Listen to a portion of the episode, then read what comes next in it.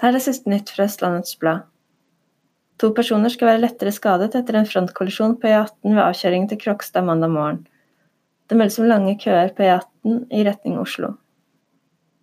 Som ØB skrev tidligere, ønsker Obos å rive bygningene i Valdemarhøyveien 1 i Ski for å bygge boliger.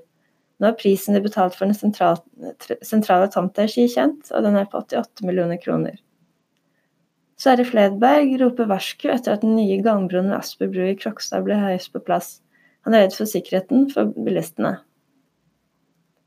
Petter Lundeby er en av dem som jobber med å få på plass motor motocrossbanen i Surdalen. Han syns det er trist at Høyre nå har snudd i saken.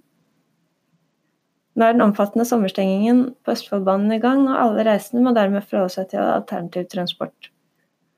Og mandag kveld sender vi bort kampen mellom Follo FK og Mjøndalen 2 direkte. Kampen kan du se på øb.no fra klokken 19.